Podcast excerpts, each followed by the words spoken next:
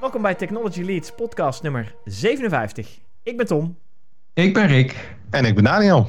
En we hebben twee gasten in uh, onze virtuele studio. En dat zijn Alwin en Jason.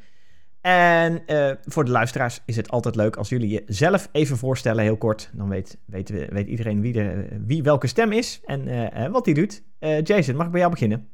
Ja hoor, zeker. Nou, ben Jason, 26 jaar oud. Sinds kort woonachtig in Utrecht en werk al iets meer dan een jaar bij Society. Als, uh, ik begon als BI en Analytics Engineer en uh, werk ook al een tijdje als RPA Engineer. Cool, dankjewel. En dan hebben we nog Alwin. Ja, dankjewel. Ik uh, ben uh, Alwin Koogman, 32 jaar en ik woon in Leiden. Uh, mijn rol is die van RPA Consultant bij Society. En dat doe ik nu zo'n twee jaar bij Society. En ik hou mij 4,5 jaar bezig met het vakgebied RPA. En ik mag tevens iets doen af en toe met low-code applicatieontwikkeling. Mooi, leuk. Nou, dat is gelijk ook inderdaad het onderwerp van deze podcast. Dat we eens wat verder duiken in de wereld van RPA, Robotic Process Automation. Uh, en, en, jullie daar uh, nou, over horen vertellen. En we hebben er natuurlijk vast allerlei vragen bij. Maar voordat we daar komen, beginnen we altijd met een aantal tech-updates van onze kant. En uh, Daniel, mag ik bij jou beginnen? Wat jouw tech-update ja. is voor deze keer? Nou, laat ik meteen een gezellig onderwerp erbij pakken. Um, dit is een artikel wat ik mee heb genomen. En het heet Why Agile Sucks for Building Quality Software. En okay. uh, daar gaat iemand behoorlijk met een gestrekt been richting Agile. Ja. Uh, maar dat is Lucas Majerovic, blijkbaar. Familie? Ik spreek het ongetwijfeld niet goed uit, maar ja, uh, zal ergens dicht bij familie zijn voor ja, mij. Ver en neef. Ja, ja, maar ja, wat, wat eigenlijk zijn punt is, is joh, je hebt over het algemeen Agile, dat is heel erg gericht op early and continuous delivery. Dus uh, snel naar een minimal viable product werken. Mm-hmm. En uh, dat um, ja, goed onderhoudbare software efficiënt bouwen, dat dat over het algemeen de andere kant is. Oh. Dus uh, dat het niet altijd, niet altijd goed gaat daarin. Omdat Agile natuurlijk heel snel wil je een product hebben. Terwijl je bij ja, het bouwen van onderhoudbare software over het algemeen wat meer in de designfase zit. Of wat langer in de designfase zit. En um, ja, hij geeft dus eigenlijk aan dat Agile eigenlijk best wel veel uh, verpest voor softwareontwikkeling. Uh, ja, en tegenwoordig doet iedereen iets met Agile. Um, heel veel mensen noemen het agile en die doen eigenlijk gewoon nog waterfall. Maar heel veel mensen die, ja, ja. die doen iets met sprints en dergelijke. En ik vond het wel een leuk artikel, want ik heb ook altijd wel mijn bedenkingen bij agile. Omdat ik, ja, ik, ik, ik, het heeft echt wel waarde. Laat ik daarmee beginnen. Ik ben niet zo gestrekt been als deze persoon in dat artikel. Maar ik heb af en toe ook wel mijn bedenkingen over hoe dat eraan toe gaat en dergelijke. En als je echt met de agile puristen praat, dat je geen sprint nul mag hebben. En nou ja, dat soort dingen allemaal. Terwijl um, ja, dat best wel vaak problemen oplevert, zeg maar, in dat zo snel van start willen gaan. Um, ja, en ik vind het gewoon een leuke, leuke mening in ieder geval. Wat, wat ik vaak zie waar Agile gewoon de mist in gaat, is dat mensen het onderdeel uit het Agile Manifesto van het omarmen van veranderingen verkeerd begrijpen. Want de, die uitspraak in het manifesto over het omarmen van veranderingen gaat erom dat als de wereld verandert, moet je daarop inspelen. Maar het is niet de bedoeling dat je niet van tevoren bedenkt wat je hebben wil, maar gewoon maar iets gaat maken en dan wel ziet dat dat niet is wat je nodig hebt. Dus de, de, je moet nog steeds eerst nadenken van wat willen we en dan ga je dat maken. En, en heel veel mensen denken nu, ik hoef niet meer na te denken, want met Agile mag ik toch alles veranderen. En dat was niet helemaal de opzet. Nee, maar aan de andere kant is het ook natuurlijk zo dat als je um, ja, voor het goed nadenken over iets wat je wil hebben, ja, daar mag je best wel flink de tijd voor nemen. En normaal gesproken, als je echt puur agile doet, volgens mij, dan betekent het gewoon dat je een klein stukje um, wat je gaat bouwen in een bepaalde sprint, dat je dat eigenlijk gaat bedenken van tevoren. Of misschien zelfs een gedeelte ook tijdens de. Uh, nou ja, je bedenkt het van tevoren, je zet het op een backlog en je gaat aan de slag. Maar soms ja. veranderen er natuurlijk dingen in sprint 3, wat eigenlijk, terwijl je sprint 1 al hebt gedaan. En dat blijkt dat sprint 1 eigenlijk in, in zijn volledigheid eigenlijk slecht gedaan is. Omdat uh, sprint 3 er nu is. En uh, daar wil je toch wat anders hebben. En dan moet je die hele onderdelen ja. weer gaan reworken bijvoorbeeld. En doe je weer een flinke stap terug, zeg maar. Ja, oké, maar als dat is omdat er nieuwe inzichten zijn, dan had je dat niet kunnen voorkomen. En dat kan je met waterval net zo goed niet. Maar als dat is omdat mensen hun werk niet goed hebben gedaan, dan hebben ze gewoon hun werk niet goed gedaan. En dat is ook met, wa- net met waterval. En dat had je met het- waterval ook. Ja, dus Ja. dat maakt niet uit. Nee, het, het grappige vind ik, en dan natuurlijk opa spreekt, hè, ik doe al meer dan 40 jaar IT. En ik heb waanzinnig goede watervalprojecten gezien. Ik heb waanzinnig slechte agile projecten gezien. Maar omgekeerd natuurlijk ook. Hè. Ik heb ook wel gezien dat watervalprojecten volledig de mist ingingen. eh 2 miljoen over budget gingen en daarna de stekker er werd uitgetrokken. Eh, maar ik heb ook eh, leuke agile projecten gezien. En wat ik wel vaker heb gememoreerd, ik weet niet in deze podcast, maar in midden jaren 80 zat ik al in een agile team. Alleen dat wisten wij toen niet. Met de Maar, maar de manier waarop wij werkten was gewoon agile. Waren agile ponskaarten, ja? Was, was dat... eh stonden die? Ja, in dat project hadden wij al geen ponskaarten meer, eh, Tom. Eh, ja, Daniel is nog steeds geïntrigeerd door de ponskaarten waar ik in het begin van mijn carrière mee werkte. Maar dat, dat heeft niet heel lang geduurd. Want ik moet toegeven dat ik erg blij was toen ik gewoon mijn eigen computerbeeldscherm kreeg. Ja, En dus niet meer alles op een ponskaartenmachine hoefde in te typen. precies, precies. Ja, dat geloof ik. Dat, dat versnelt het wel even. Ja. Eh, Ja. Nou, mooi, mooi, eh, mooi artikel. In ieder geval goed, goede eh, stof tot nadenken, als ik dat zo hoor, Daniel. Mhm. Lekker. Ehm, nou, Rick, wat was jouw tech-nieuws-item voor vandaag dan? Nou, mijn item is dat je binnenkort in Rome met een vliegende taxi kunt. Oh, Ehm dat is een, eh, een artikel dat vond ik op de website Gadgets 360. oh ja, wel En- bekend. Ja, zeker. Eh, ja, ik weet niet. eh, ik, ik ken hem eerlijk gezegd nog niet, maar ik vond dit wel een heel boeiend ding. De, de Volocopter Air Taxi, die beloven dat ze in 2025 daadwerkelijk mensen gaan vervoeren. En dat is een, ja, een soort hele grote drone waar twee mensen in kunnen.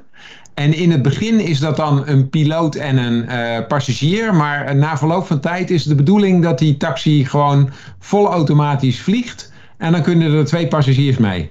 Hmm. Oké, Nou, nou, dan ben ik benieuwd. Aan de ene kant de ontwikkeling hartstikke mooi. Aan de andere kant eh, eh, ehm, weet ik niet of ik over vier jaar de AI al zodanig vertrouw dat ik daarmee eh, Ja. door Rome rondgevlogen wil worden. Ja, ik, ik, Dus, wil- eh, ja, ik wilde net de vraag stellen aan eh, Alwin en Jason. Eh, zouden jullie instappen in een AI-helikopter door Rome? nou, ik, eh, mij, mij niet gevonden, denk ik. Nee? Nee? Oké. Nee, nee, nee, nee, nog niet. Nog, Nog niet. niet. Over een paar jaar eh, misschien wel, maar eh, nu nog niet. Oké, oké. Alwin, jij? Ik, zou hem eerst denk ik ook nog passen, ja. Want eh, laten we eerst eens beginnen op de grond. Hè. Daar kunnen we nog een heleboel winnen. Als we kijken naar vervoer, eh, hè, wat Tesla aan het doen is. Maar ook projecten die we zien in Amerika. Dat bijvoorbeeld eh, trucks geautomatiseerd vrachtvervoer eh, plaatsvindt. Hè, en dat soort zaken. Dat, ik denk als we dat eerst optimaliseren, dan wil ik me wel iets meer risico waarnemen om ook nog de lucht in te gaan. Maar voorlopig hou ik mijn beentjes nog op de grond. Nou, ik zat te denken, ik denk, ik denk eigenlijk dat het veiliger is in de lucht dan op de grond in een autonome auto rond te rijden of in een autonome helikopter rond te vliegen. Want ja, die vliegen er niet zo heel veel, zeg maar. Dus de lucht is vrij leeg. dus, dus de kans dat er iets gebeurt is vrij iedereen klein. ermee gaat, eh, Tom. Eh, als, als daar boven Rome 5000 van die dingen rondvliegen, Ja, ja, ja. ja. dan wordt het knap gevaarlijk. Nou, eh. nou, nou, sterker nog, ook dan, als er 5000 van diezelfde dingen rondvliegen, dan heb ik er ook nog steeds meer vertrouwen in. Omdat ze dan Mm, allemaal ja. met elkaar kunnen praten. Want ik weet zeker dat ze elkaar snappen. Terwijl op de grond, Ja? als ik 5000 verschillende auto's rond laat rijden met verschillende merken en protocollen, daar heb ik minder vertrouwen in dat die elkaar begrijpen of niet. Ja, en als er een Amazon pakketje voorbij komt met een drone, eh, dan denk je niet dat je daardoor geraakt wordt. Omdat eh, Amazon gaat praten met, eh, met een taxibedrijf. Nou ja, dan- kijk, dan Ik krijg je denk dat dus we nog de- wel een paar stappen te gaan hebben daarvoor. Ja, ja, nou ja, kijk, zolang die niet tegen het Colosseum aanvliegt, eh, ja, nee, ja, ik denk, eh, ik denk dat, ja, nou ja, ik weet het niet. Ik dat zou misschien krijg wel dan instappen, hoor. wel. Nee, maar dat wordt dan wel leuk, Tom. Want dan kan je niet zeggen: ik neem een taxi naar het Colosseum. Maar je wordt gewoon midden in het Colosseum Ja. gedropt. Plus je, kan, je kunt hele mooie, plus je kan mooie luchtfoto's maken tegelijkertijd, ook nog. Ja, Ja, ik, ik denk dat Tom gewoon. mensen- Ik denk dat Tom gewoon tijdens de vlucht al een 65-inch tv tegen zijn bakkers aankrijgt. Hoor. Die op weg is naar een van de Italiaan. Ik denk wel trouwens, Daniel, dat je gelijk gaat krijgen dat uh, drones pakketvervoer, autonoom pakketvervoer, inderdaad eerder een, een vlucht, letterlijk een vlucht gaat nemen. Uh, dan, uh, autonoom, ja, dan autonoom personenvervoer, in, inderdaad. Ja. Dat, daar, ja, dat geloof ik dan weer wel. Ik vind ik vind het ook wel interessant, Tom, dat je, dat je, dat je zegt van ik ga er dan toch even wat verder op nadenken. Maar als we erover nadenken, nu stappen we ook al en masse in vliegtuigen. En wat doet zo'n piloot nog zelf? Ja. die, uh, die wordt eigenlijk al volledig geautomatiseerd uh, bestuurd. Uh, dus in die zin is, is die ook eigenlijk maar een beetje voor als noodpersoon aanwezig. Dat als hij nou moet ja. ingrijpen, dat hij wat kan. Hè? Dan wil ik de piloten niet mee tekort doen. Maar... Ja. ja, nee, maar dat is precies waarom er piloten in vliegtuigen zitten. Want als het misgaat dan kan die piloot zorgen dat het toch nog goed komt. Ja. En, en, en het gaat bijna nooit mis. Dus het is een beetje zonde dat die piloten het grootste deel van de tijd helemaal niks zitten te doen. Uh, maar ja, hè, ik, ik, heb toevallig pas nog. Uh, ik, jullie kijken vast ook wel eens naar dat soort. Uh, nou, dat weet ik ook niet. Maar air crash investigation en dat soort dingen. er is een, een een hele mooie case van een vliegtuig in uh, 1988, waar de splinternieuw vliegtuig ging in een hagelbui en toen was het vliegtuig was dus wel getest met regen en dat daardoor de motoren niet uitgaan. Maar hagel reageert anders dan regen. En door hagel gingen de motoren wel uit. En toen was het dus opeens een zweefvliegtuig geworden. Ja. En dan is het wel heel knap als piloot dat je dat ding gewoon op de grond zet. Op het dichtstbijzijnde uh, beschikbare stukje vlakke grond. Uh, waarbij die piloot dus technieken uit de zweefvliegwereld ging toepassen. Die je in een uh, normaal straalvliegtuig niet mag doen, omdat het risico dat de motor uitvalt te groot is. Mhm. Maar ja, de motor was toch al uitgevallen. Dus die man die ging uh, zweefvliegtuigtechnieken toepassen. En die heeft daarmee zijn vliegtuig keurig op de grond gekregen. En het toeval wil dat hij geland is naast een vliegveld uit de Tweede Wereldoorlog. Dus toen hebben ze die, dat uh, vliegtuig over de grond getrokken, die motoren gerepareerd en die kon toen gewoon opstijgen vanaf de oude startbaan. Geweldig. Dus, oh, wow. Ja, want anders land je ergens, kom je nooit meer weg. Nee, precies. Ja. Want, want uh, dan moet je de vleugels eraf schroeven en over de weg met dat ding. Uh, ja. Ik kijk maar goed, dat allemaal naar aanleiding van dat uh, AI nog niet heel makkelijk ja. helikoptervervoer zal kunnen overnemen. Ja. Ik kijk er echt bewust niet naar, naar zulke programma's. Anders dan stap ik nooit meer het vliegtuig in, joh. Juist. Dan heb je vertrouwen in die piloten, man. dat is juist mijn vraag aan jou. Laten we maar naar het volgende tech-item ja, gaan. Zeker, zeker. Uh, volgende tech-item, uh, en dan gaan we inderdaad uh, wat verder richting RPA, is iets heel anders. en dat is een nieuws, nieuwtje dat vandaag naar buiten kwam, is dat League of Legends en nog wat spellen, Valorant, maar in ieder geval League of Legends, beschikbaar gaat zijn in de Epic Game Store. En zullen jullie denken, ah, cool, geweldig, iedereen super fan van League of Legends. Ik weet niet, zijn er spelers hier? League of Legends spelers? Ik durf het niet te zeggen. Ja. ik ben er niet heel goed in. Oké, oké, oké. Het is wel een ja. Het is een voorzichtige ja, maar het is wel een ja. Ja, ja, ja, juist, juist. Ik moet een neven kopen. Jij moet een neven kopen. Oké, ja, ik ben ook een hele ja, uh, casual gamer. Dus wat dat dan gaat, ja. Maar um, dan zul je denken, ja, League of Legends is geweldig, fantastisch. Um, het zal wel. En het is natuurlijk een van de allergrootste um, uh, e-sports out there, hè? League of Legends. En uh, onderdeel van Riot Games. En er zijn er nog meer. Valorant noemde ik al, Teamfight Tactics, Legends of Runeterra. Die zijn uh, nu allemaal beschikbaar om te downloaden in de Epic Games Store. Nou is dat eigenlijk niet het nieuwsitem. Het leuke is, wat hier een beetje achter zit, is het feit dat je uh, een game launcher, een andere game launcher, in een Epic Store in dit geval, kunt downloaden. Hè, dus Epic verzorgt een een andere bedrijfs uh, game launcher. Uh, dat is eigenlijk, vind ik, veel meer het nieuwtje wat hier, uh, hier uitkomt. Hè. Epic zegt, en dat is Tim Sweeney, hè, dat is de CEO van Epic, die zegt, weet je, ik vind prima. Zet die, zet die loader er maar in. En dit zijn gratis games die dan gedownload worden. En ehm, ja, je, je, moet gewoon je app openstellen voor alle distributiemodellen en, en daarin meegaan. En, en gewoon kijken waar dat heen gaat. Want hij weet ook niet of dat ja, of dat gaat werken of niet gaat werken. Of dat daardoor Epic nog succesvoller wordt of niet. Hij gaat het gewoon uitproberen. Hij gaat het gewoon doen. Hij stelt het gewoon open en uh, uh, nou, vindt dat prima. En het leuke is, hij heeft dus eh, eh, daarna, toen, dat, toen hij, dit georganiseerd is, zeg maar, en geregeld is, heeft hij een mailtje gestuurd, direct een mail naar Tim Cook van, van Apple.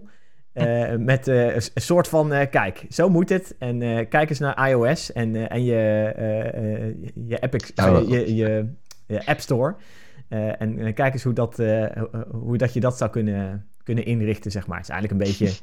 Hè, de, de, die, die epic battle uh, met, met Apple en Google die gaande is, dus een beetje, is hij een beetje aan het bashen hiermee, zeg maar.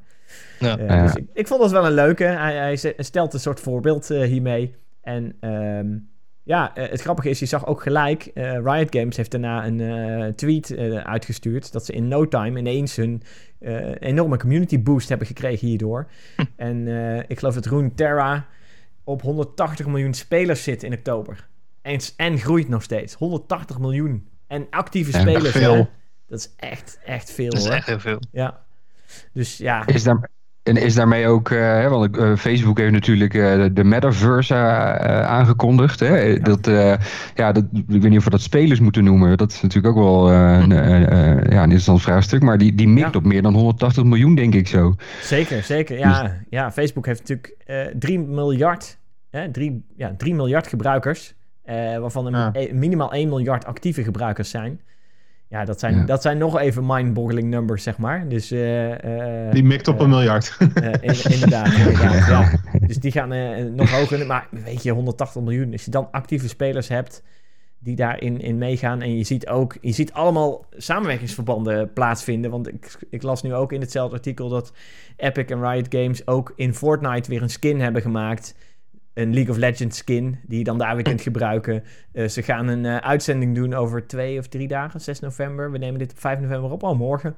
Eh, gaan ze een soort show doen, League of Legends TV-show, in, die, die op Netflix gepremierd wordt. Dus je, ja, je krijgt allemaal crossovers van, van allerlei soorten media. Ja, en het is natuurlijk onwijs goede marketing. Dus ja, ik snap wel dat, eh, ehm, weet het, Epic Games dit toestaat. En ja, die zitten daar lekker in het midden in. Dus eh, why not, weet je? Ja, Ja. kan maar gebeuren. Ja, Ja, ik vind het super vet. toch? Ja, ik had ook hetzelfde met ehm, dat je eindelijk ook crossplay kan doen. Dat je dus Oh, over ja. verschillende eh, consoles dus ook met elkaar eindelijk kan gamen. Ja, ik had heel vaak dat eh, ik was dus de enige in mijn vriendengroep die een Xbox had en iedereen had een Playstation. ja, Nou, tot voor kort kan je nu eindelijk games samenspelen. Ja. Dat vind ik wel heel vet. ja, Ja, maar dat werd, dat werd altijd geblokkeerd door de. ehm, ja, soms was het de game developer. Ja. Maar soms was het ook gewoon de, eh, Platform. de, de platform owner, zeg maar. Ja. Dus vroeger was bijvoorbeeld, ja, bijvoorbeeld bij Microsoft zeggen ze nu altijd van joh, wij willen Xbox willen we altijd cross-platform laten zijn, zeg maar. Dat, dat is hun, hun mening nu dan. Eh, maar soms dan is het gewoon de game developer die zegt van eh komt niks van in. En soms is het ook gewoon dan de an- het, het andere platform wat het tegenhoudt. Dus bijvoorbeeld Sony. Ja.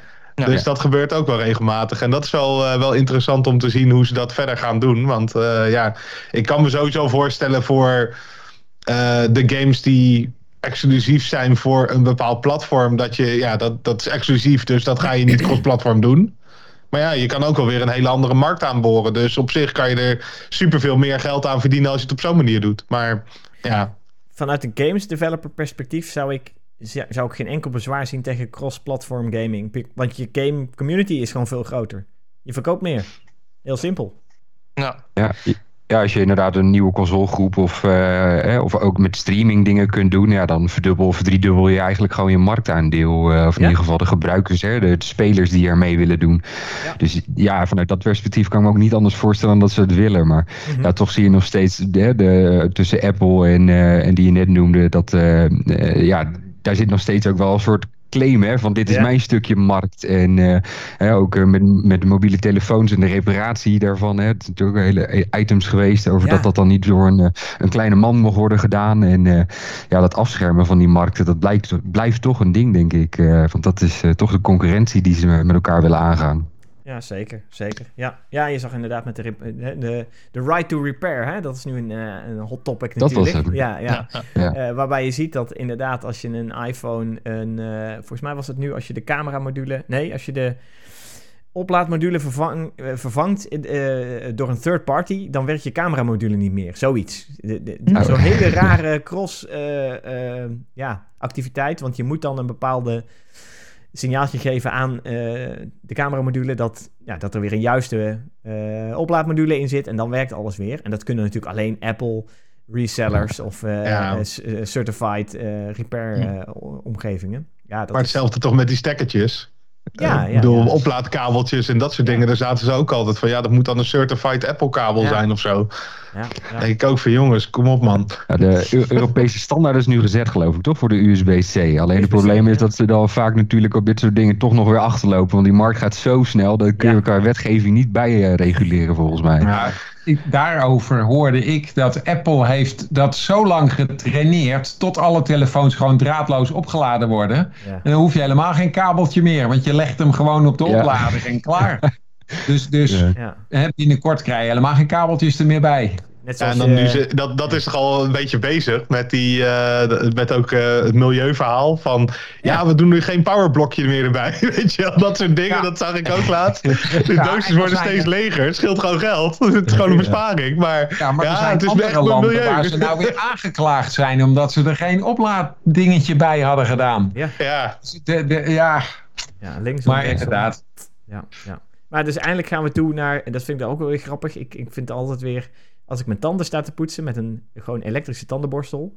Nou, volgens mij sinds jaren en dag, er is nooit, nooit een elektrische tandenborstel geweest die je met een draadje op moest laden. Die is altijd draadloos geweest, het opladen. Ja, die zijn altijd al draadloos geweest. Maar telefoons hangen we heel erg aan dat draadje. Ja, ja. ja. Maar goed. Los daarvan. Genoeg tech-updates en tech-nieuws. Uh, robotic Process Automation gingen we het uh, onder andere over hebben.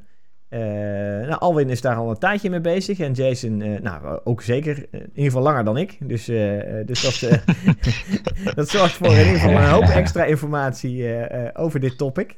Mhm. dus dat is mooi. Um, waar, ja, waar zullen we beginnen? een korte definitie van wat, wat RPA is. En misschien ook wat het niet is. Is dat een, een goed startpunt? Nou, vind ik goed. Denk wel. Nou, wie wil? Ga je gang. Ik, ik, pak hem wel even op. Uh, even kijken. Ja, RPA, ik zie het een beetje als een uh, manier van automatisering. Uh, die je dan eigenlijk toepast op een bestaande applicatielaag. vaak in low-code platformen. Dus makkelijk om te ontwikkelen en een hele ja, korte tijd om, om te kunnen leveren. Um, het staat eigenlijk voor Robotic Process Automation. Ik heb zelf altijd wat moeite met het woord robotic. Want dat suggereert, uh, naar mijn mening, enigszins dat het gaat om een soort geavanceerde machine waar we dan uh, mee, uh, mee bezig zijn. En dat is het absoluut niet. ik zie het meer uh, als een. het, komt, het is eigenlijk een afgeleide van het woord bot. Hè, of, uh, of script. Uh, en daar komt dan het robotic van. En ik, ja, ik denk, begrijp me toch ook een beetje het gevoel dat dat iets, iets leuker klinkt, zeg maar, robotic. Maar uh, in principe is het met recht eigenlijk een applicatie waarmee je, of een ontwikkelplatform waarmee je met recht een, een serie FDNL's handeling kan uit, uitvoeren. Ja, ik denk dat een beetje een notendop. Waar met name voor gebruikt wordt, is het mimieken van uh, gebruikersacties. En dan kun je denken aan uh, het klikken of uh, navigeren binnen een applicatie, maar ook het scrapen en het ehm, ja, de aanroepen van een API en al dat soort zaken. Um, ja, en, en dat is een beetje waar het zich op spitst. En, en, ja, het is eigenlijk wel een hele mooie tool. Want ik ben er met name heel enthousiast over, over dat, uh, de short time to deliver. Uh, we hebben het al een klein beetje over een soort gat gehad, misschien tussen uh, generaties. Maar dat, ja, ik wil snel actie, ik wil snel resultaat. En ja, weet je, low code, maar ook RPA is daar, naar mijn mening, uh, uitermate geschikte tool voor. Uh, het verdient zichzelf snel terug. als je kijkt naar de licentiemodellen, het zijn geen enorme kosten die je ermee maakt. Uh, en je kunt gewoon heel snel iets ontwikkelen. Uh, misschien nog wel een leuk voorbeeld wat we een keer bij een klant hebben gedaan. Uh, aan het begin van de, van de COVID-uitbraak kwam er wat nieuwe wetgeving waar een klant aan moest voldoen. En uh, die moest eigenlijk binnen, binnen een aantal weken moest hij ervoor zorgen dat hij een aantal handelingen voor klanten uitvoerde. En dat kon niet met de bestaande systemen die er waren. Um, en hebben wij eigenlijk in, in twee weken hebben we daar dat volledige proces weten te automatiseren. Waarvoor het plan B alternatief was ja, 30, 40 uitzendkrachten studenten binnenhalen en dat lekker handmatig te gaan laten doen. Dus dat, uh, dat automatisering, dat, uh, ja, dat, dat helpt ontzettend. En het low-code aspect maakt, maakt het tot iets dat je, dat je snel resultaten kunt, kunt vinden. Oké, cool. Mooi. Eh, ik zit, ik zit gelijk vol vragen, want ik, heb, eh, ik zit al gelijk te denken. Toevallig hebben we eh, in onze vorige podcast het gehad over het makkelijker maken van je, van je leven. Van, van, van het automatiseren van zich herhalende activiteiten. En dat kun je op allerlei vlakken doen. in de vorige podcast ging het zelfs zover dat, dat je je stem kon imiteren. Synthetische stem van jezelf laten maken en die allerlei handelingen uit laten voeren. Stel dat je vijf keer hetzelfde interview moet geven dat je dan uh, dat met een synthetische stem uh, geautomatiseerd zou gaan doen. Is dat ook RPA? Oeh, goede vraag. Ik, ja. Ja, ik, ik, uh, ik denk niet zoals RPA nu gevendeerd wordt in ieder geval. ik zou het meer onder automation schalen. Maar ja, kijk, RPA, het is een beetje een link met een stukje artificial intelligence en, en meer slimmere technieken. Als we kijken naar NLP of uh, nou ja, uh, machine learning, dat soort zaken. Dan zie je wel dat RPA een hele mooie enabler is. Dus ik zou het niet per se onder RPA schalen, maar meer onder de noemer intelligent automation. Hè? Dat we steeds slimmere automatisering toepassen. Oh, ehm, Oké, oké. dus, dus RPA is, ja, is dan, maar is een beetje onerbiedig gezegd, natuurlijk een beetje de domme automation. En, of, is, dat, is dat te makkelijk om het zo te stellen? Ja mijn indruk is dat het RPA natuurlijk best hele handige en slimme dingen doet. Alleen de, de voorbeelden die ik ken van RPA, wordt RPA gebruikt om iets op te lossen wat eigenlijk heel onhandig gemaakt is. bijvoorbeeld, er zijn twee systemen en er is een handmatige interface. Ja, in plaats van dat we dan een hele mooie automatische interface bouwen, uh, gebruiken we een RPA-tool om de uh, handmatige interface te faken. En, en als tijdelijke oplossing vind ik dat een hele prima. Maar dat is, dat is uiteindelijk niet waar je naartoe wil. Hè? Dus, dus zijn jullie het met mij eens dat eigenlijk RPA zichzelf overbodig zou moeten maken? Hè? Dat je er naartoe moet streven dat je geen RPA nodig hebt? Ja, uiteindelijk wel. Eh, ik zie RPA, um, nou, je hoort wel vaker dat RPA wordt gezien als een soort van pleister. Je hebt een probleem en dan plak je een pleister op in plaats van dat je het echt het probleem verhelpt. Nou, ik zie RPA echt inderdaad uh, als een brug tussen twee applicaties of meerdere applicaties. Maar wat ik vaak ook zie is dat, uh, of tenminste wat ik tot nu toe heb ervaren, is dat RPA ook vaak gebruikt wordt om dus problemen op te lossen waarbij iedereen last van heeft, maar niemand eigenlijk aan wil zitten. Want dan geef ik al een kort voorbeeld. Uh, ik heb een, bij een klant hebben we dus dat zij elk elke zomer moet zij dus uh, zomerkrachten aannemen van een uitzendbureau om dus uh, heel veel klantgegevens in te vullen. Dat komt dus binnen, binnen een, data, in, in een uh, databakje. En iemand moet kijken wie, hoe heet diegene, welke school en ehm, nog een paar andere gegevens. En dan moeten ze controleren in hun database of het klopt of niet. Klopt het niet, dan veranderen ze het. Maar het probleem is dus dat ze elk jaar dus weer 10, 20 nieuwe mensen moeten aannemen. Omdat de mensen na twee maanden helemaal spuugzat van zijn. Ze hebben geen zin om een hele zomervakantie lang alleen maar te controleren of, of een Excel-sheetje wel klopt met een ander Excel-sheetje. Nou, daar is RPA bijvoorbeeld heel handig voor. Dus om voor het, ja, het werk gemakkelijker te maken voor uh, de mensen op die afdeling, zodat ze dus weer op moeilijkere taken kunnen focussen. Ja, ik denk dat dat heel erg is. Um, uh, je, hebt, je, hebt, je hebt eigenlijk meerdere. Ja, het is eigenlijk een beetje. Je moet het zien. Automation is een soort van toolbox. En je hebt hmm. verschillende soorten tools. Je kan RPA gebruiken om bijvoorbeeld legacy applicaties te automatiseren. Uh, je hebt ook een stukje AI. Uh, wat heel terecht net door Alwin ook al genoemd werd. Van, want soms dan heb je ook gewoon dat je screenscraping aan het doen bent. En dat je ook bijvoorbeeld OCR en weet ik veel wat allemaal moet gaan doen. dat heeft natuurlijk ook een heel flink AI component. Ja, en zo heb je natuurlijk ontzettend veel andere dingen. Je hebt tegenwoordig natuurlijk al die cloud native automation. Dus dan heb je het meer over de, de API-connectoren en dergelijke die je dan kan gebruiken. Ehm, dat is dan weer een beetje de. Ja, het wordt ook wel digital process automation genoemd. Of uh, business process automation en dergelijke. En je hebt, je hebt zo heb je heel wat van die, van die tools die je beschikbaar hebt. En dat is dan denk ik samen gewoon automation. Daar moet je naartoe werken natuurlijk. En of het nou RPA is of, uh, of iets met uh, digital process automation of iets dergelijks. Dat, dat, ja, dat hangt natuurlijk van de situatie af. En het mooie ervan is natuurlijk dat je, als je al die tools samen kan gebruiken, ja, dan kan je dus complete processen oplossen. En ehm, ja, RPA is best wel een enabler voor bepaalde processen die je niet zo makkelijk kan automatiseren. Want ehm, ja, de, de, de, niet alles heeft een API. soms is er gewoon een bedrijf wat een, wat een heel oud systeem heeft, bijvoorbeeld, wat nog lang niet afgeschreven is, of wat gewoon veel te veel geld kost om dat uh, te, te moderniseren. Ja, en dan is RPA is een prima oplossing om dat te doen. Uiteindelijk moet je natuurlijk, dat is mijn mening tenminste, je moet altijd streven naar het moderniseren van. Um, maar je moet ook wel bedenken, soms is het gewoon qua kostenplaatje is het een heel lastig verhaal.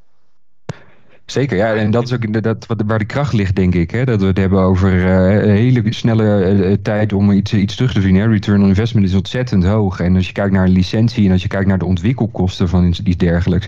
Maar er komt ook nog bij, even terugpakken op Rick's verhaal, dat we kijken naar. Er is ook gewoon een structureel tekort aan ontwikkelaren op de wereld. Hè? Dat is ook gewoon. En je hebt nu een low-code applicatie waarmee je gewoon heel snel. Ja, de citizen developer is ook een beetje een basterm. Hè? Wat we vaak horen dat een mensen allemaal. Je geeft iemand die tool en die gaat alles voor je automatiseren nou, zo werkt het zeker niet. Het is echt nog wat een expertisegebied. Maar, eh, want vergt een bepaalde mindset over hoe ontwikkel ik iets. Eh, maar het zijn hele mooie nieuwe middelen, zoals Daniel dat ook zegt, waarmee je gewoon nog verder kan komen en nog sneller iets kan neerzetten. En eh, soms heeft iets een hele korte lifecycle en zou je dat structureel willen aanpakken op je, op je, op je normale laag, hè, om het zo maar te zeggen. maar sommige projecten zie ik nu ook die we doen, die zijn toch ook echt wel wat op neer op de langere termijn. En die zijn inderdaad te kostbaar om te ontwikkelen met de traditionele manier van iets bouwen. Dus daar, uh, daar zitten zeker wel, uh, wel mogelijkheden. Ook de combinatie tussen low-code applicatieontwikkeling en daarachter een stukje RPA. Hè, dat, je, dat je dat combineert met elkaar, daar kun je ja, onwijs mooie dingen mee maken. ik ben enthousiast, het is mijn vakgebied. Wat ik benieuwd ben, je, want jullie gebruiken dan tools, hè, maar ik heb de indruk dat je hele specifieke RPA-tools kunt gebruiken, maar dat er ook tamelijk algemene tools zijn waarmee je eigenlijk ook gewoon RPA kunt doen. Hoe, hoe zien jullie dat? Ja, in principe als jij uh, een beetje Python kan en je gebruikt de juiste libraries, dan uh, kan je het zo ook automatiseren. In principe kan dat uh, allemaal wel. Even een leuk voorbeeldje bijvoorbeeld. ik, ik heb een project samen met mijn vader. Waarbij we dus allemaal kastplantjes thuis hebben. En we willen dus zo goed mogelijk laten groeien. Dus we hebben allemaal met Node-RED bijvoorbeeld... hebben we dus allemaal sensoren met... met hoe heet die dingen ook weer? Raspberry Pi's hebben we dus allemaal sensoren en uh, metertjes hebben we allemaal in zo'n kastje gebouwd. En nu kunnen we gewoon precies goed aanhouden van nou, wanneer moet de sprinkler een beetje aan en wanneer moet het uh, zonlicht uh, um, lichtje aan en dat soort dingen. Dus dat, dat is ook een vorm van automatiseren. Beetje, een beetje zo'n idee.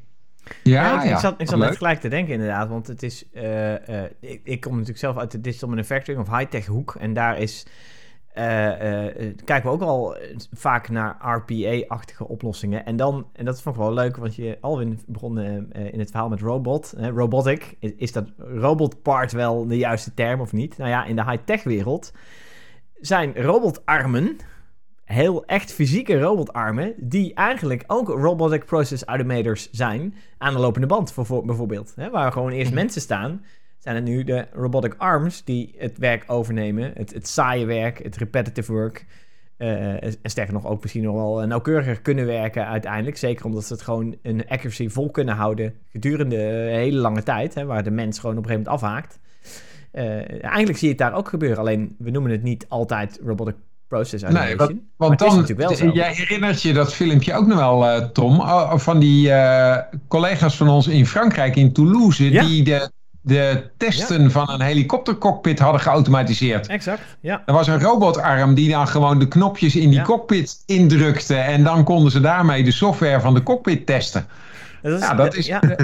maar dat hebben ze nooit Robotic Process Automation genoemd. Ja, ja ik zit even te denken of dat niet zo is. Maar dat was natuurlijk zeker. Want uh, sterker nog, ze hebben dat gedaan omdat ze helikopterpiloten nodig hadden om die tests uit te voeren. Dat waren de mensen die wisten hoe de, de sequentie verknoppen en om op te stijgen en te landen was. Weliswaar in een simulator, hè, dus je gaat niet echt de lucht in. Alleen die mensen, die helikopterpiloten, waren punt 1 vrij duur. En punt 2, als jij als helikopterpiloot eh, tien keer dezelfde sequentie door moet lopen, omdat uh, een software developer nog een nieuw testje wil hebben. Hè, nog eens, oh, ik heb iets veranderd. Kun je het nog een keer proberen? Oh, ik heb weer iets veranderd. Kun je het nog een keer proberen? Ja, dat, dat, die wordt gek, die man. Die denkt, ja, kom op. Ik ga liever een echte helikopter vliegen. En uh, uh, ik ga liever, uh, nou sterker nog, die gaat actie voeren tegen die autonome helikopters in Rome. Dat gaat hij liever doen. Oh, ja. maar, maar uiteindelijk is dus de automatisering van die test, ja, precies dat, hè, dat proces zeg maar uit handen nemen. En volgens mij was het zelfs zo dat die um, piloot kon gewoon de ro robotarm vastpakken bewegen naar knopje A, B, al die posities afgaan, alle handelingen die die deed, helemaal afgaan. Zelfs een touchpanel bedienen. En op die manier leerde de, de RPA robotarm hoe die dat moest doen en kon hij dat helemaal netjes reproduceren. Hm. Dus een soort record playback van een, fysieke pro een nou fysiek proces. Maar het is dan wel een aardige, want, want Alwin en Jason, waar jullie bij betrokken zijn, dat is altijd softwarematig, hè? Of heb je ook wel eens met hardware interface te maken? Nou, in mijn werk nu toe niet. Wel. Ja, hobbymatig wel inderdaad. ah, ja. ja. Ja, je wil de achterkant niet zien hoor, hoe dat gebouwd is. Het is wel aardig uh, rommelig, maar het wordt wel nou, ja. op software. ik, zie, ik, zie gelijk nieuwe mogelijkheden. Dat, dat, kunnen de mogelijkheden weer verruimen. Ja, zeker, zeker. En iets als, uh, Jason heeft het net over eigenlijk kassenbouwautomatisering, hè? Dat, de gebouwautomatisering, de domotica systemen en zo. Is dat ook RPA? Hoe, hoe zien jullie dat? Oeh, nou, eh, heel toevallig. Ik heb mijn stage bij een domotica bedrijf gedaan in Parijs. En uh, daar leerde ik dus een meneer kennen die uh, werkt ergens in het midden van het land. En die heeft een eigen bedrijfje waarbij hij dus slimme uh, binnenklimaatmeters plaatst. En heeft hij dus een eigen software gemaakt waarbij dus alle software of alle info van hoe warm is het, hoeveel CO2 is er binnen het gebouw, dat verzamelt hij allemaal en dat maakt hij dus een rapportje van. Nou, ah. ik had dat niet gezien als RPA, maar als je erover nadenkt, hij laat het wel allemaal automati automatisch naar zichzelf sturen. Maakt een rapportje automatisch. Al dat soort dingen. Dus ik denk dat RPA wel aan de achterkant aan vasthangt. Oh, ja, ja, ja. Oh, ik zit gelijk te denken aan het geweldige voorbeeld van uh, een paar jaar terug. Een jaar of vier geleden. Toen we, vier, vijf geleden misschien al wel. Toen we ineens uh, energielabels voor huizen nodig hadden. Ik weet niet of je hm. dat kunt herinneren. Als je toen oh, ja. uh, ineens een huis ging kopen, moest er een energielabel aan hangen. En je kon uh, dat gewoon online aanvragen bij, uh, een, bij allerlei instanties. En op een gegeven moment was het, was heel snel was het zo dat jij, als je een huis ging, je huis ging verkopen, dan moet je het label aanleveren. Dan kon je voor, ik geloof 7 euro, kon je een label aanvragen. En ik, hm. ik, ik, denk en er waren echt, want er was dan een, eh, een, een, online portal en dan kon je een lijst kiezen met allemaal uh, bedrijven die dat dan aanleverden. En alles, er stonden er honderden bovenaan voor 7 euro. Allemaal 7 euro. Dat is blijkbaar de ondergrens was dat van, van dat aanvragen. En uh, wat je moest doen is een, vragenlijstje in, invullen. Een paar foto's uploaden. even wachten. En je kreeg een, ge een gegenereerd mailtje terug. Met, dat je, met, een pdfje erin dat gegenereerd was voor jouw adres, voor jouw huis. Met jouw foto's erin, notabene. Waar, waarin je label netjes in stond ook. En uh, daar betaalde je dan 7 euro voor, ook eh, via Ideal te betalen of iets dergelijks. En dan had je het geregeld. En dat was gewoon rechtsgeldig en dat was gewoon prima in orde. Maar dat is natuurlijk een RPA die er, er gewoon wat slimme, slimme, slimme doet, die met wat RPA aan de achterkant een uh, genereren van een pdfje, de, de foto op de juiste plek zetten, het juiste label selecteren, et cetera, et cetera. Gebaseerd op jouw input. En klaar. En, die, en, die, hadden daar natuurlijk geen enkele omkijken naar uh, toen ze dat eenmaal ingericht hadden. Nee, precies. Want het gaat vooral om die standaardisatie.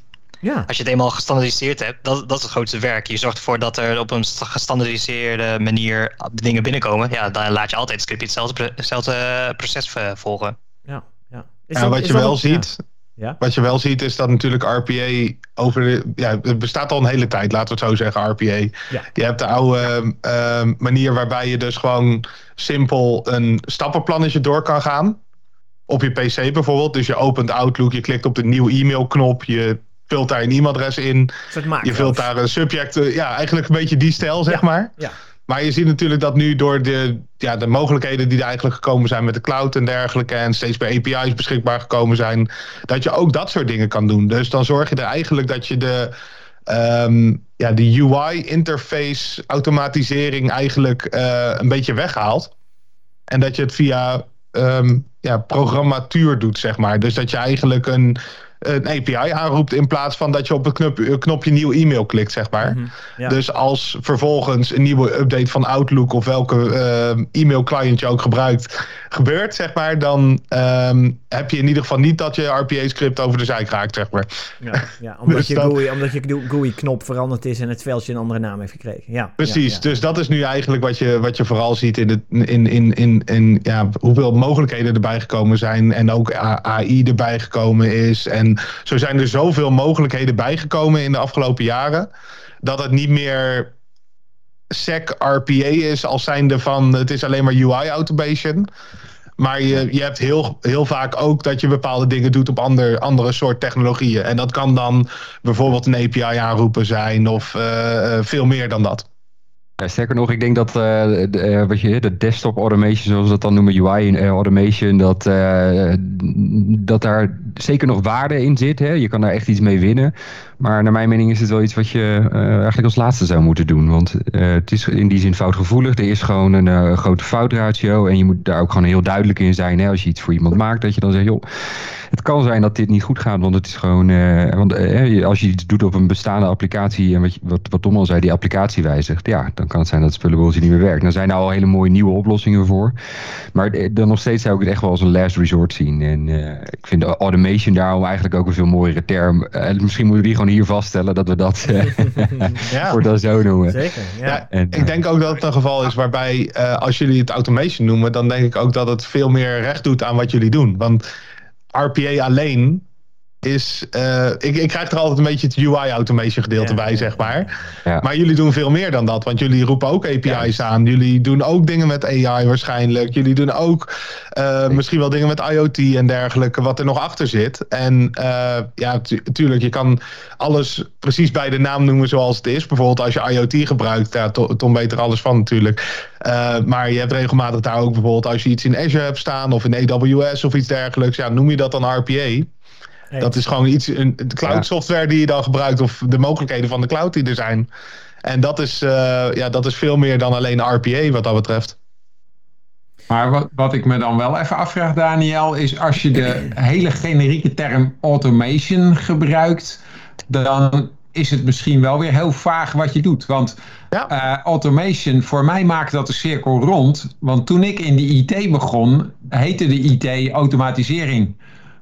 En dat is dus gewoon automation. En dat deden we toen dus ook al. eh, maar de, de, en ik denk dat een term als robotic process automation ook puur gekozen is omdat het aangeeft dat je het proces automatiseert en dat je daarbij het handwerk overneemt door een machine.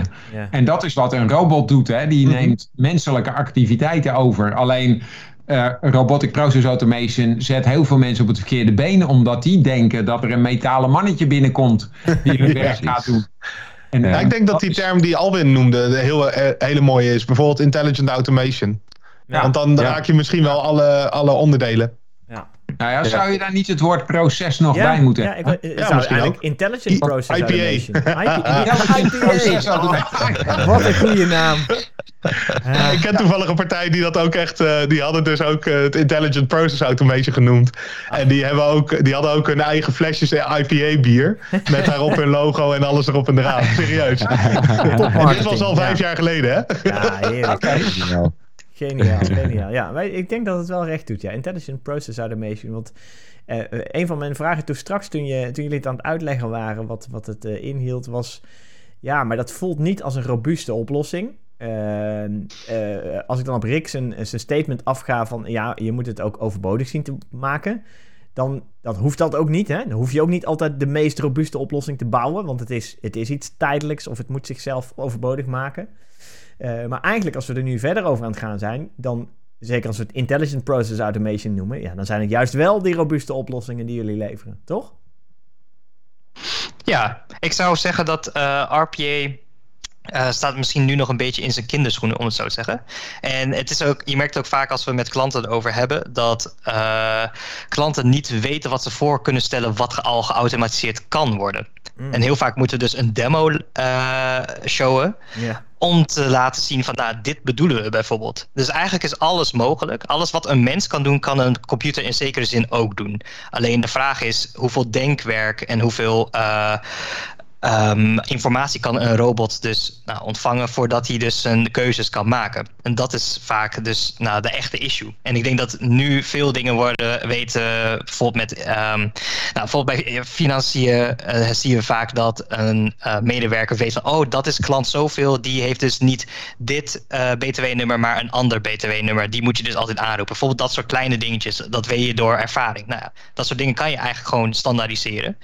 En dat is nu waar wij nou, ook in de digital age naartoe gaan. Dat heel veel dingen gewoon echt al vaststaan op papier of uh, nou, op de computer bijvoorbeeld. En dat er dus een standaardisatiemethode achter kan komen. Cool. Ja. IPA dus. Dat is eindelijk de conclusie van, deze hele conversatie, toch? Vind ik wel. Vind misschien, ik wel. Moet ik, misschien moet ik die partner nog eens een keer bellen of ze een paar biertjes voor me hebben. Dat zeker. zeker, weten, zeker ik heb het erover ja. gehad in de podcast. Kom maar ja, door. Ja, ja, ja, echt hè? Ja, ja, ja. Je hebt gewoon dus uh, even de naam noemen, Nintex. Uh, gewoon even promotie maken ja, hoor. Ja, ja, ja, ga je gang, ga je gang. Uh, dat brengt me nog wel bij een laatste korte topic, misschien om langzaam mee, mee af te gaan ronden. Wat, wat voor tools gebruiken jullie allemaal? Uh, ik weet zelf uh, van. Ik weet ook dat er open source uh, tooling al, voor is. Ansible is een mooi, volgens mij wel een mooi voorbeeld van wat je zou kunnen gebruiken in deze, in deze hoek. Maar wat, wat, wat zijn andere tools die jullie gebruiken of tegenkomen in de RPA-wereld? Uh, nou, ik gebruik voornamelijk UiPath. Dat is wel een uh, gelicenseerd tool. Dan heb je nou, Kovacs, Automation Anywhere, Blue Prism. Maar ja, Python wordt ook heel vaak nog steeds gebruikt, omdat het ook gewoon toegankelijk is. Ja, ja zeker. En jij, Alwin? Uh, ja, aansluitend bij wat hij vertelde, uh, wat Jason al vertelde inderdaad. Ik vind eigenlijk Power Automate, ja, dat brengt ons gelijk weer bij wat is RPA een beetje. Hè? Maar ik vind Power Automate bijvoorbeeld ook een vorm van, hè, ik, ik noem het allemaal in diezelfde, noemen diezelfde tool, toolbox. Maar uh, Node-RED, um, uh, wat hebben we ja. nog meer? Ja, Robot Framework is op zich ook. Uh, test Automation Tools, Tosca biedt natuurlijk ook van alles aan hè, op het gebied van test. Maar ook een RPA-ontwikkelplatform bieden ze aan. Um, dus ik denk dat dat wel de, de meest voorname zijn. En open source, als je gewoon thuis wil, uh, lekker een keer wil knutselen als je luistert, dan kun je in ieder geval de grote vendors die we net al noemden, die bieden natuurlijk altijd wel een trial aan. Maar ik denk dat Node-RED wel leuk is en uh, Robot Framework om, uh, om zelf eens mee te gaan beginnen. Leuk. leuk. Nou, dat zijn wel leuke, leuke tips gelijk eventjes voor inderdaad wat op te snorren. Hè? Als je aan de gang wil met, met de RPA, al dan niet hobbymatig of zo. Dat is een mooi lijstje die jullie daarop opnoemen. Goed. Jij wilde nog wat zeggen, Rick? Nou, ik, uh, Alwin uh, noemde het al, want ik, ik miste in het lijstje van Jason eventjes de traditionele testtools. Ja. Want volgens mij is, is RPA begonnen vanuit de testwereld, omdat je om een test te automatiseren moet je precies dezelfde technische dingen kunnen als om RPA te doen. En, en inderdaad, Tosca heeft daar uh, vrij vroeg al op ingezet. Dat, dat is denk ik zes, zeven jaar geleden dat ze daarmee begonnen. Maar eerlijk gezegd, de eerste keer dat ik RPA gezien heb, alleen toen wist ik nog niet dat het zo heette, was in uh, 1998. Uh, dat was bij de euroconversie in 1998. Op 31 december werd de koers van de euro vastgesteld. En die moest toen, uh, die werd smiddags om drie uur bekendgemaakt. En voor middernacht moest die in alle systemen van de Rabobank zitten. Zonder tikfouten, met zes cijfers achter de komma. En dat hebben ze toen uh, één keer in een Excel-sheetje ingetypt, die, die koers. En drie mensen laten controleren of er geen tikfouten in zaten. En daarna hebben ze gewoon met een testtool die, uh, die koers in al die systemen laten invoeren. Dan weet je ja. zeker dat er geen tikfouten worden gemaakt. Cool. Ja. Extreem mooi voorbeeld van inderdaad hoe RPA nu veel wordt toegepast. Ja. ja. ja. Nou, je, ziet, je ziet die testtooling zie je natuurlijk ook wel terugkomen in RPA. Want je hebt ook Selenium natuurlijk. Dat is ook zo eentje die, uh, die, die, die best wel veel gebruikt wordt in RPA-scenario's soms nog wel eens. En uh, ja, sterker nog, Power Automate draaide vroeger eerst, uh, toen ze begonnen met, met RPA, hadden ze uh, Selenium als tool erachter zitten. Dus oh, ze hadden okay. gewoon een laag om Selenium heen gebouwd. En ja, dat was hun web automation verhaal, zeg maar. Zodat ze dus bijvoorbeeld een koers van een website konden halen. Dus dat, dat soort dingen, dat deden ze met Selenium. Ja, Kijk. oh grappig. Kijk, ja. wat, wat, een mooie voorbeelden van RPA. Maar 98, oh man. Kan je nog goed de basisschool. Top. Een klein generatiekloofje hier aanwezig zijn. eh. kleintje maar, kleintje maar. Lichtelijk. Ehm, nou, eh, eh, mooi. Eh, ik heb een goed beeld nu van RPA eh, en de geschiedenis, eh, een set tools en, eh, en een paar hele leuke voorbeelden gehoord van, van jullie. Dus de, dank daarvoor. Dank Jason, dank eh, Alwin voor jullie eh, aanwezigheid in deze podcast. Nou, dankjewel dat het erbij mocht zijn. Cool, Ja, leuk om te doen. Thanks. goed Ja. zo. Ja. Eh, ik zou zeggen dank luisteraars voor het luisteren eh, en tot een volgende podcast.